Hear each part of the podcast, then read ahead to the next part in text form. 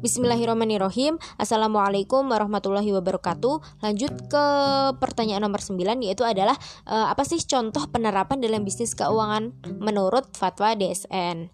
Nah, di sini disebutkan ada sembilan. Yang pertama itu adalah janji beli atau jual atau hibah dalam akad musyawa, mu, musyarakah mutanah kisoh atau MMK. Dalam akad musyarakah mutanah kisoh ini, pihak pertama e, atau salah satu syariknya atau lembaga keuangan syariah wajib berjanji untuk menjual seluruh porsi bagian kepemilikannya secara bertahap dan pihak kedua atau nasabah wajib membelinya. Terus yang kedua itu ada janji dalam akad murabahah. Jadi uh, jadi bank dalam hal ini tuh menawarkan aset, menawarkan barang sesuatu gitu kan tersebut kepada nasabah.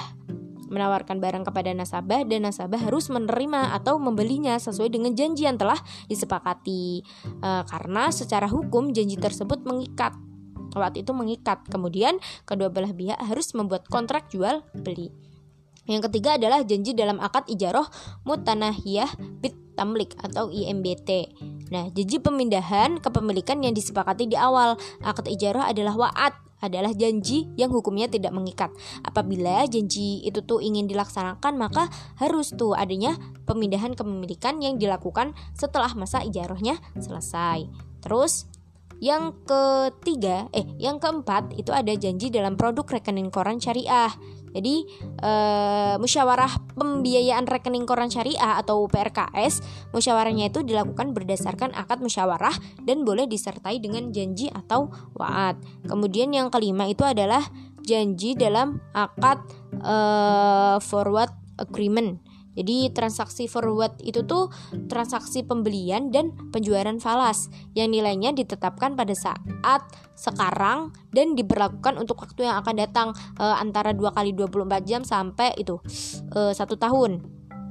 Antara dua kali 24 jam sampai dengan satu tahun.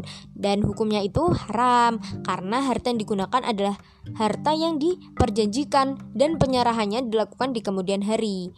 Padahal uh, harta pada waktu penyerahan tersebut belum tentu sama dengan nilainya yang disepakati kecuali dilakukan dalam bentuk forward agreement untuk uh, kebutuhan yang tidak dapat dihindari.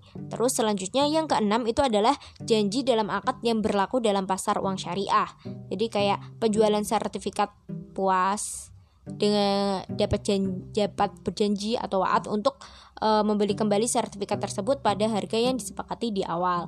Terus yang ketujuh itu adalah janji dalam akad repo uh, surat berharga syariah SBS ya. Berdasarkan prinsip syariah, waat atau janji adalah pernyataan kehendak untuk membeli surat berharga syariat untuk membeli SBS yang dijual pada masa yang akan datang dan pernyataan kehendak untuk menjual surat berharga syariah ini tuh yang dibeli pada masa yang akan datang.